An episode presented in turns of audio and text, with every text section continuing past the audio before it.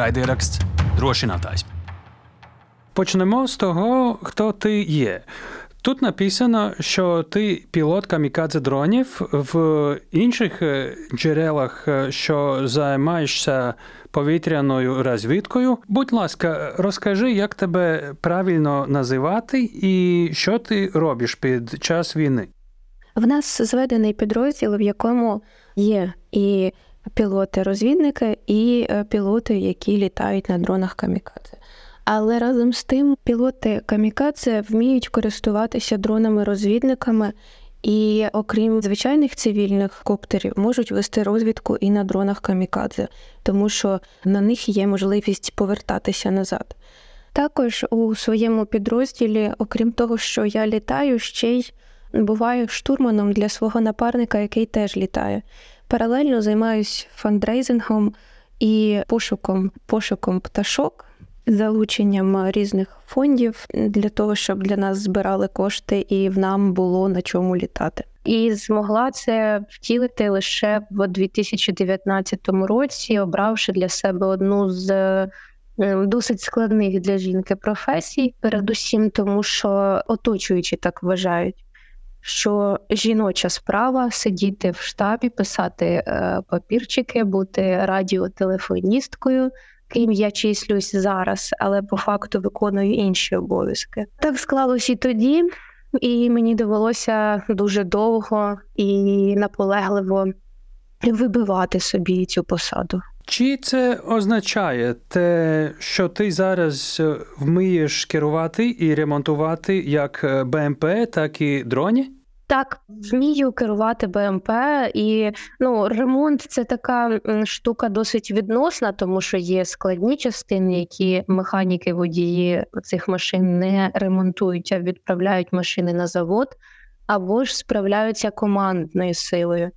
Тому що одному нереально підняти, скажімо, бронелист, який важить понад 200 кілограмів витягти мотор, який потрібно ще зачепити з п'яти точок. Ну, але керування дронами камікадзе набагато легша справа, цікавіша, хоча і передбачає залучення великої кількості коштів, ресурсів волонтерських і своїх особистих моральних, тому що наша система військова вона досі не готова до впровадження такої новітньої практики, як пілотування дронів камікадзе.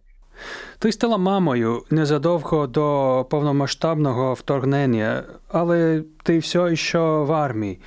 Як розвивалася ця історія е, твого життя від початку до цього моменту? Коли почалась війна, е, власне, не війна, а повномасштабне вторгнення, то моєму синові було 4 місяці. Під час повномасштабного йому було 4 місяці, і мені спало на думку буквально того ранку, коли ми всі дізналися про цю подію, що треба залишити малого з батьками і їхати. І їхати мобілізовуватись, чи їхати поновлюватися в штаті, отримувати зброю бронежилет і їхати до своїх, які в той час знаходилися під селом Новотошківка Донецької області, і їх почали обстрілювати задовго до повноштабного ще 16 числа, і буквально за кілька тижнів їх повністю розбили. І в мене загинув е, майже весь мій батальйон. Ті люди, яких я знаю з 19-го року, друзі, е, родичі, так би мовити. І мені було боляче настільки і соромно, що я сиджу вдома зі своїм бойовим досвідом і можу бути корисною. Але знову ж таки, соціум, вплив батьків, родичів, які сказали, що та ні, ти будеш поганою матір'ю, якщо зараз поїдеш туди. Ну і я відклала повернення у військо до осені, поки син не почав ходити самостійно і їсти нормально. Тоді вже було простіше родичам дивитися за ним. Як часто тобі вдається бачити свого сина, і як ці моменти для тебе, для вас обох? Із серпня я бачила його двічі. Один раз я проїжджала повз і попросилася на один день зайти в гості, і інший раз у мене була відпустка 10 днів. Але першого разу, коли ми бачилися, мені здалося, що він мене підзабув трошки, тому що він е, почав соромитись мене, і здавалось, наче він е, бачить чужу тітку, а не рідну матір. Другий раз він так само соромився, але вже було видно, що він скучив і радий мене бачити. І оця вся історія мені тяжко дається розлука з дитиною, тому що я боюсь, що в якийсь момент або мене не стане, або він мене забуде. І я втрачу втрачу буквально е, втрачу той час, який би могла провести з ним, і не зможу повернути втрачені моменти. По телефону? По телефону інше. Він він от грається собі. Він там десь хвилину на мене подивився і починає дуріть, показувати мамі все підряд, а потім відволікається і вже чимось своїм займається. Тому по телефону я не можу торкатися до нього, не можу взяти його на руки, поцілувати його не можу, не можу взяти за ручку і піти з ним погуляти. Про, Про ці моменти я зараз говорю. Така от материнсько-дитинська близькість яка по телефону ніяк не передається.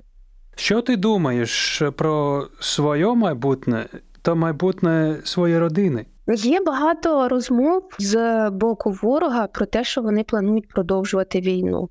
І дивлячись на те, як е, країни Заходу, частина країн Євросоюзу допомагають або ж не спішать допомагати. Мені здається, що можливий такий варіант що ворог захопить повністю і Харківську, і Дніпропетровську область, і навіть мою рідну Полтавську. Я думала про це і подумала про те, що доведеться перевозити кудись трохи далі своїх рідних, а сама продовжуватиму службу. Не обов'язково на бойових є дуже хороша ідея, і планую втілювати дещо. Що мотивувало тебе в таких обставинах вирішити іти воювати? Совість. Совість перед ем, почуття провини перед друзями. Не тільки мій батальйон загинув. Загинули науковці, хлопці, дівчата, які були б політичною якоюсь, не знаю, верхівкою, можливо, в майбутньому діячі літератори, письменники мої знайомі, дівчата і хлопці. І це люди, які в майбутньому формували б націю. І, і я з ними знайома, і я з ними пройшла дуже багато різних майдан, той самий, різні протести, підтримка впровадження української мови, дуже багато акцій різнопланових. І тут я розумію і бачу, як вони гинуть усі, і що вони, чим вони жертвують, і що вони втрачають на цій війні в той час, як я нічого не роблю. Тому це передусім совість. Совість і інше це якщо я зараз не піду, то хто піде замість мене? Ким би ти хотіла бути, якби не було війни?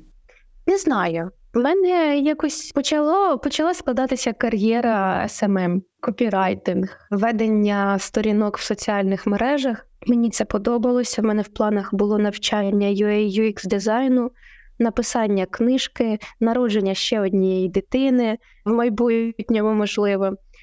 Це не обов'язково мала бути військова кар'єра, тому що армія вона навпаки вона не допомагає тобі рости, а вона тебе пригнічує і применшує, і робить таким собі рабом. Принаймні, наша сучасна армія, яка вирощена на основі радянських стандартів, в яких солдат ніщо, він просто бойова одиниця. Поговоримо про те, що ти робиш зараз. Чому ти обрала саме дрони?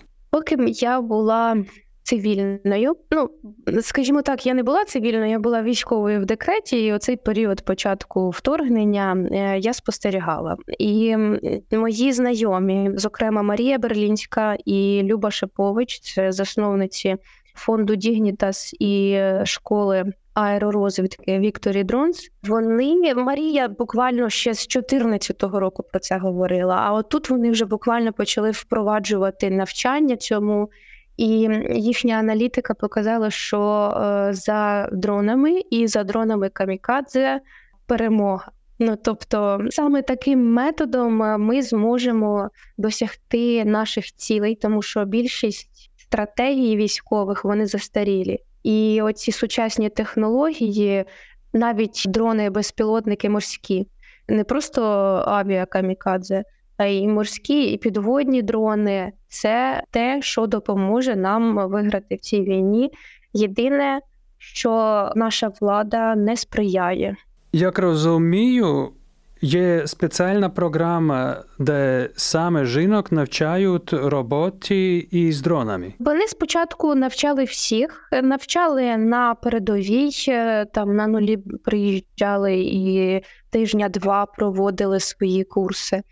Потім у нас є мережа магазинів Єва, і вона попросила Любу: Люб, а може ми щось для дівчат зробимо?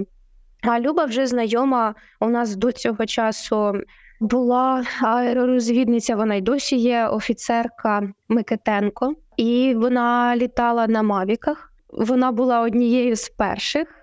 Люба говорить, що типу це хороша ідея, і давайте спробуємо. Ми можемо з будь-якого підрозділу набрати певну кількість дівчат і в змішаних групах з хлопцями навчити їх літати. І вони це втілили, поки що ще не навчили сотню дівчат на дронах камікадзе літати. Але поруч із цим навчають ще й е, літати на крилах і на звичайних цивільних коптерах, типу DJI е, або Autel. Як складно чи як легко це е, вчитися керувати дронами, тренуватися і потім використовувати ці навички у реальній війні? Є тренажер ліфтов, програма, яку будь-хто може собі придбати в стімі. Будь-хто може купити собі пульт. Скажімо, недавно вийшов Radiomaster Pocket, Він коштує 2,5 тисячі гривень. Не знаю, скільки це в євро, ну може 50, можливо, менше. Є окуляри, звісно, вони дорожчі, там 10 тисяч гривень. Але це не обов'язково. Ти можеш купити собі пульт, можеш купити собі програму і вчитися. Тренування перші початкові на цій програмі займають е, тиждень десь. Це поки нервові закінчення, нейронні оці всі зрозуміють.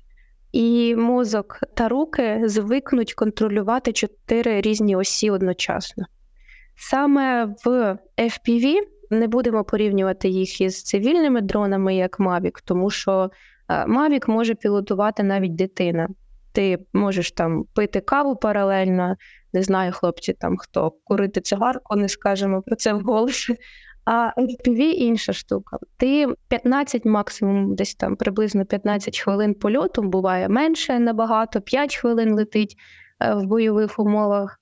Цей весь час ти напружений, і ти максимально зосереджений, дивишся в окуляри, не можеш дивитися на пульт, тому що в окулярах все бачиш, і в нього немає стабілізації, тому ти маєш контролювати вліво, вправо, крен, там швидкість, силу, оберти двигунів. І паралельно слідкувати на екрані за тим, як просідає батарейка, скільки вже використано амперів. Так само він розганяється там від ну нехай до 120 кілометрів він може розганятися, і він наскільки швидкий і різкий, що ним дуже важко керувати на перших етапах. Але коли вже є нальоти в годинах, там, скажімо, годин 40 на ліфтофі на цьому тренувальному то вже в бойових умовах набагато легше летіти. Хоча кажуть, студенти, курсанти кажуть, що на ліфтофі важче літати, ніж вживу. Але люди, які говорять, що якщо у вас нічого не виходить, то це ваша провина. А дайте мені пульт, я за чотири дні навчуся і зрозумію систему, і в мене все вийде, а в них нічого не вийде, тому що це довгий процес. І якщо ти, наприклад, не літаєш один-два дні, то навички втрачаються.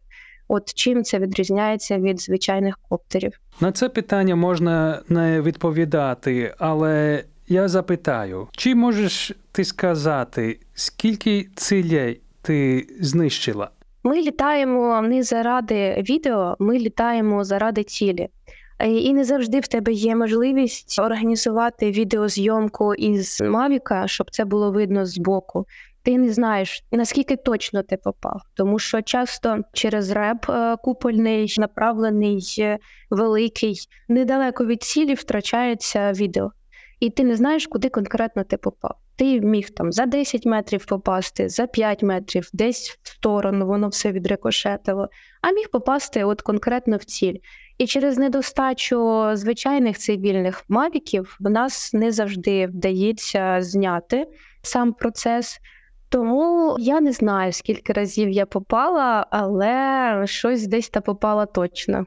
І і ще, е, якби це сумно не звучало, але от поки що в мене ну, майже половина усіх е, FPV губиться по дорозі, або під ребом падає, або їх е, збивають, або, як от скажімо, коли командування сказало нам в непроглядний туман летіть, ось вам ціль вперед попри наші докази того, що це неправильно, тому що в FPV відкритий корпус.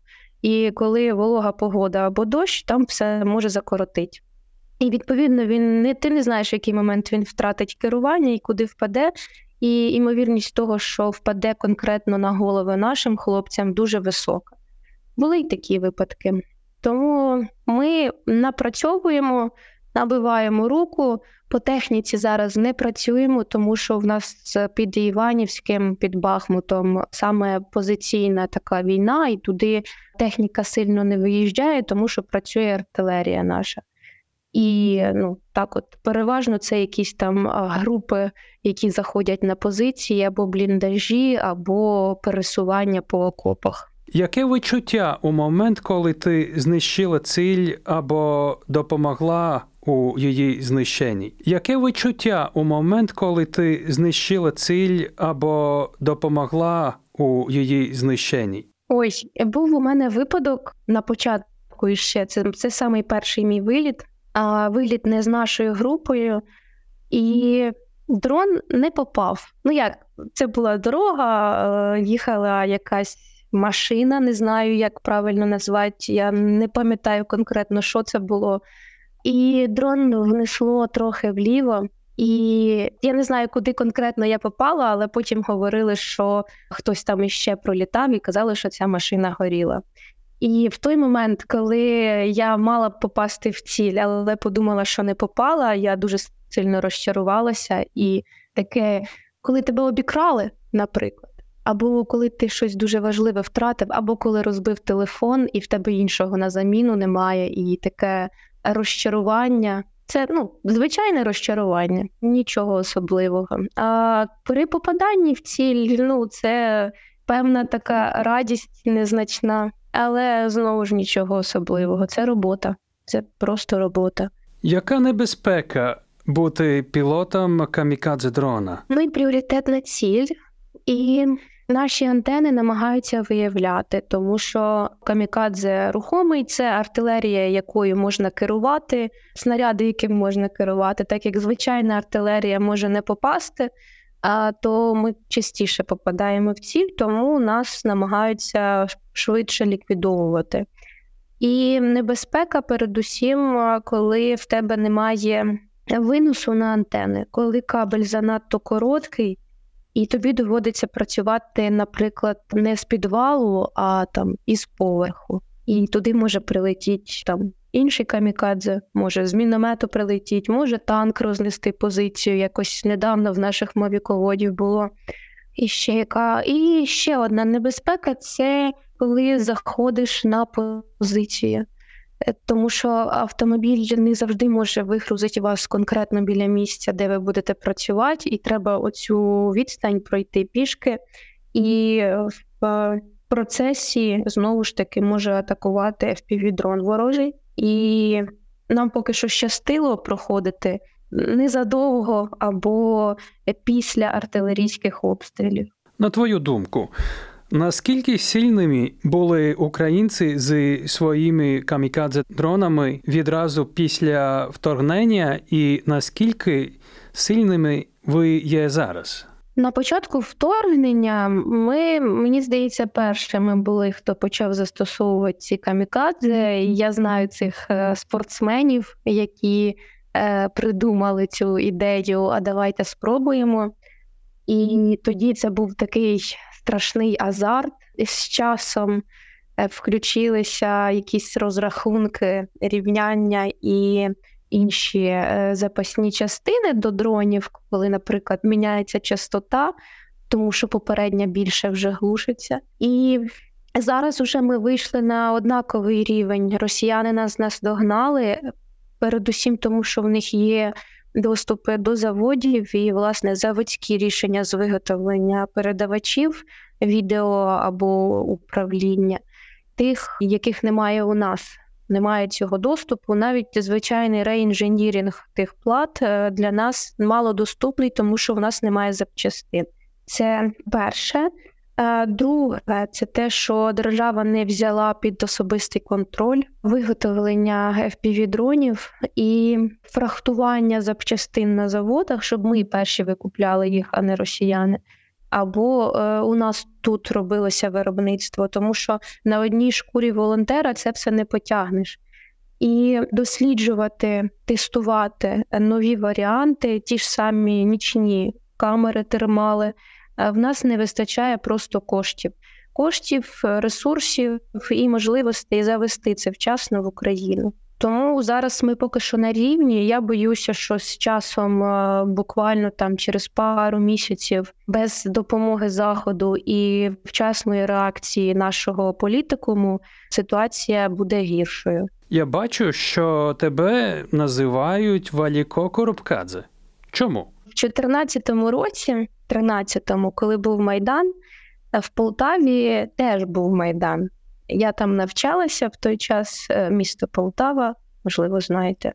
І мій хлопець тоді організував е, самооборону. Захопили обласну раду, і в обласній раді е, був штаб самооборони, і я щоранку туди приходила. На цьому штабі було два грузина: одного звали Джунбері, і він ночував буквально там, а інший ішов додому до сім'ї на ніч. Але вранці ми з ним приходили одночасно. І коли ми заходили, то Джунбері о, Валіко! І він мав на увазі того діда, бо його звали Валіко, але з часом вони і мене Валіко прозвали.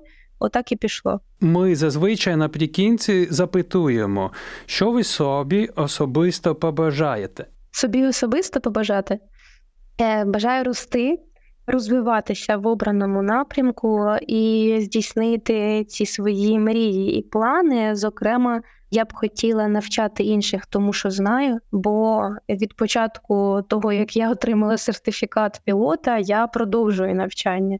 І з кожним днем вивчаю щось нове і маю настільки великий багаж, що просто соромно його тримати і ні з ким не ділитися. І дуже надіюся з часом стати інструкторкою і навчити більше хлопців і дівчат цій корисній нам всім справі, яка скоро буде дуже затребувана і потребуватиме нових, е, нових людей. От оце я прям дуже надіюся, що так і буде. Дякую, слава Україні! Героям слава!